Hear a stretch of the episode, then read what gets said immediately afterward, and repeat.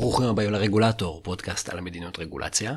אני גיא מור, והיום נשאל האם להתחסן נגד הקורונה, וננסה לענות באמצעות ניתוח סיכונים. הפרק הזה הוא חלק מהמיני סדרה שלנו על אה, מגיפת הקורונה, והיום ננסה להסתכל על שאלת חיסונים. האם אתם מתכוונים להתחסן נגד הקורונה?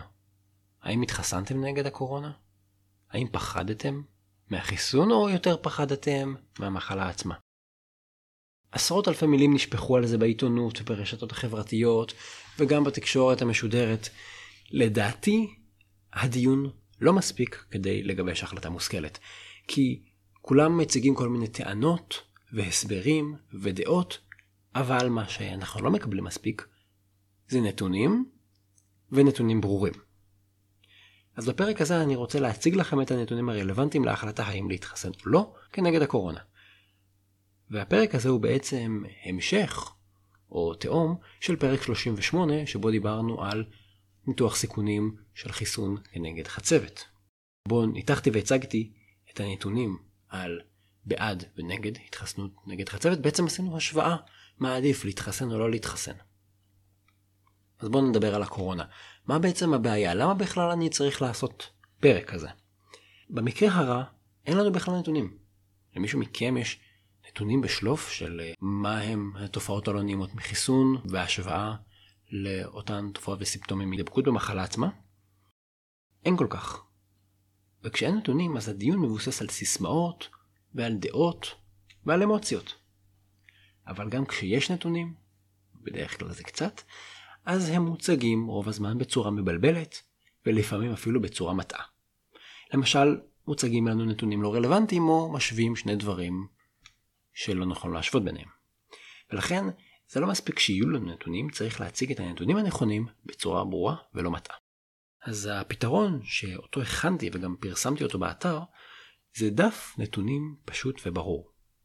אני כבר עכשיו ממליץ לכם להיכנס לאתר, לכתוב האם להתחסן נגד הקורונה ניתוח סיכונים, תוכלו לראות שם בעיניים את ההשוואה שעשינו יחד עם תום שדה. מה שעשינו, הכנו דף נתונים שיכול לעזור לכם לקבל החלטה. בעצם הדף הזה הוא טבלת השוואה פשוטה, שמשווה בין מצב שבו אתם מתחסנים למצב שבו לא מתחסנים. אלה הרי שתי האופציות שלנו, נכון? להתחסן או לא להתחסן. המספרים שאני הולך להציג עכשיו, הם מתארים כמה אנשים ייפגעו מתוך עשרת אלפים איש שנחשפו לנגיף הקורונה.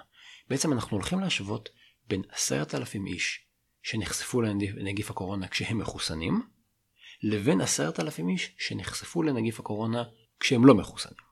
אוקיי? ובעצם יש לנו שתי קבוצות באותו גודל, אבל אחת קיבלה את החיסון והשנייה לא קיבלה את החיסון. אגב, החיסון שאנחנו מדברים עליו זה החיסון של פייזר, זה הנתונים לגבי החיסון של פייזר. פרסמתי באתר גם את רשימת הנחות העבודה שלנו, וגם יש גיליון נתונים שפרסמנו אותו פתוח לכולם, עם כל המקורות וכל הנתונים וכל החישובים שעשינו כדי להגיע להשוואה הזאת. יאללה, להשוואה. בואו נתחיל מהנתונים הפחות נעימים. בתוך עשרת אלפים איש, כמה יהיו מאושפזים בבית חולים, שהתחלואה מצדיקה שאשפוז בבית חולים?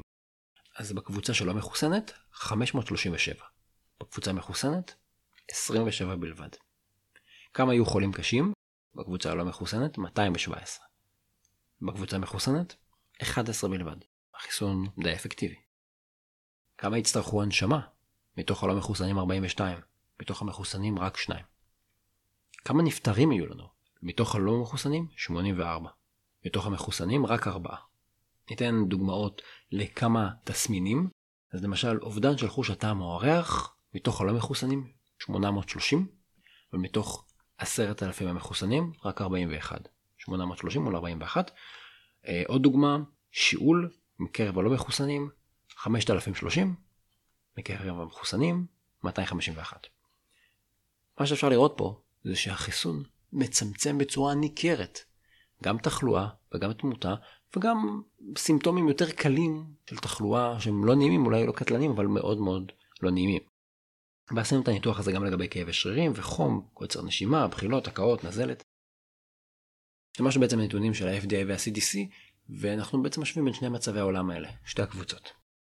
כשמסתכלים ככה על הנתונים, ומשווים באמת את שתי האלטרנטיבות שלנו, אפשר להבין את הסיכון, נכון? אתם רואים כמה זה פשוט, ואם תקפצו לאתר או לבלוג, תוכלו ממש לראות בעיניים את הטבלה הזאת שהיא סופר סופר פשוטה. שלוש עמודות, תסמינים, אנשים בקבוצת המחוסנים, קבוצת הלא מחוסנים.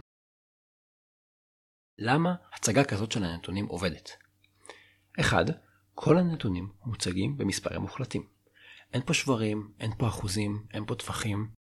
יש לכם קבוצה של עשרת אלפים איש, וכמה מתוכם חווים את המחלה או התסמין. 2. אנחנו משתמשים בפורמט אחיד להשוואה בין מי שמתחסן למי שלא מתחסן. לפעמים עושים לכם, מציגים לכם נתונים שהם לא על אותו בסיס, לא עם אותו מכנה. ושלוש, אנחנו פשוט מציגים נתונים. אין פה סיסמאות, אין פה טיעונים נורמטיביים, אין פה את הדעות שלא של תום שדה ולא שלי. אנחנו נותנים לנתונים לדבר.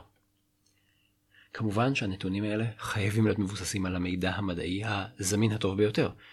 פה לא השערות, לא תקוות, לא הרגשות שלנו, לא תיבות תהודה.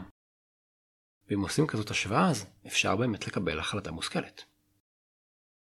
לדעתי באופן אישי, הנתונים הם חד משמעיים. היתרונות של החיסון נגד קורונה עולים בהרבה על החסרונות שלו.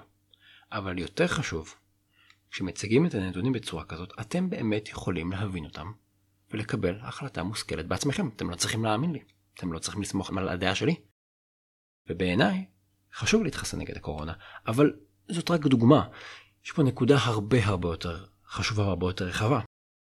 אנחנו כל הזמן מקבלים החלטות שכרוכות בסיכונים. וההחלטות האלה בדרך כלל מספיק קשות ומורכבות. אז צריך לוודא שיש לנו את ה basic. יש לנו מידע ברור שאפשר להשתמש בו. במבט טיפה יותר רחב על מדיניות ציבורית, אני אגיד שהפרק הזה מיועד להנגיש לציבור הרחב נתונים חשובים על נגיף הקורונה ועל החיסונים. אבל ביום יום אני עובד עם מקבלי ההחלטות בתוך הממשלה שצריכים להחליט על מדיניות, וכל החלטה כזאת יכולה להשפיע לפחות על אלפי אנשים, אם לא על מאות אלפי או מיליוני אנשים. גם למקבלי ההחלטות אין תמיד את כל המידע, וגם אין להם בהכרח מומחיות בניתוח סיכונים. וגם אם כן, אז גם המומחה הכי מומחה שיש, כדאי מאוד שהוא יקבל את המידע הברור, המדויק, שיהיה לא מבלבל ולא מטעה. כי כשאנחנו מקבלים קלט בעייתי או מטעה, אז התוצאה כנראה תהיה בהתאם. אם ממשלות יקפידו להשתמש במידע איכותי וברור ולא מטעה בהחלטות שלהן, ואם ממשלות יקפידו לתקשר את הסיכונים לציבור בצורה ברורה, אז זה יעזור לציבור להבין את המצב וגם ישפר את אמון הציבור במערכת הציבורית. כי הצעד הראשון הוא להציג את תמונת המציאות כמו שצריך באמצעות הנתונים שיש לנו. אנשים שאלו אותי על הפרק הזה כשכתבתי אותו, את מי אני בדיוק מנסה לשכנע. אז אני לא מנסה לשכנע את מי שחושב שיש פה תיאוריית קונספירציה על הנגיף בכלל או על החיסונים בפרט. ואני לא מנסה לשכנע אנשים שמתנגדים לחיסונים באופן גורף. זה לא קהל היעד שהנתונים האלה פונים אליהם. הנתונים האלה פונים למי שרוצה לקבל החלטה ולא יודע, למי שמרגיש שהמידע שהוא נחשף אליו לא מספיק ברור, לא מאפשר לו להבין באמת על מה מדובר, ומי שאפילו מרגיש קצת מבולבל ואולי אפילו טיפה נבוך. אני הייתי קצת מבולבל לפני שצללתי לתוך הנתונים, ויחד עם תום אה, מצאנו את השורות התחתונות. בכל מקרה, עכשיו, אחרי שלקחנו את הנתונים, הנחנו אותם בהשוואה ברורה ופשוטה ולא מטעה, עכשיו אין יותר תירוצים. תבחנו את הנתונים ותקבלו החלטה. אני באופן אישי מתכוון להתחסן. תודה רבה לכם שהאזנתם לעוד פרק של הרגולטור, אני גיא מור. תודה רבה לתום שדה על הניתוח, על איסוף הנתונים, על החשיבה המשותפת. אתם מוזמנים להיכנס לאתר regulator.online כדי לראות גם את הניתוחים והנחות המוצא של הפרק הזה, וגם פרקים אחרים שקשורים לנגיף הקורונה וגם לנושאים אחרים שקשורים לניהול סיכונים ולמדיניות ציבורית. אשמח מאוד אם תוכלו להמליץ לחבר או לחברה על הפודקאסט. התכנים משקפים את דעותיי בלבד.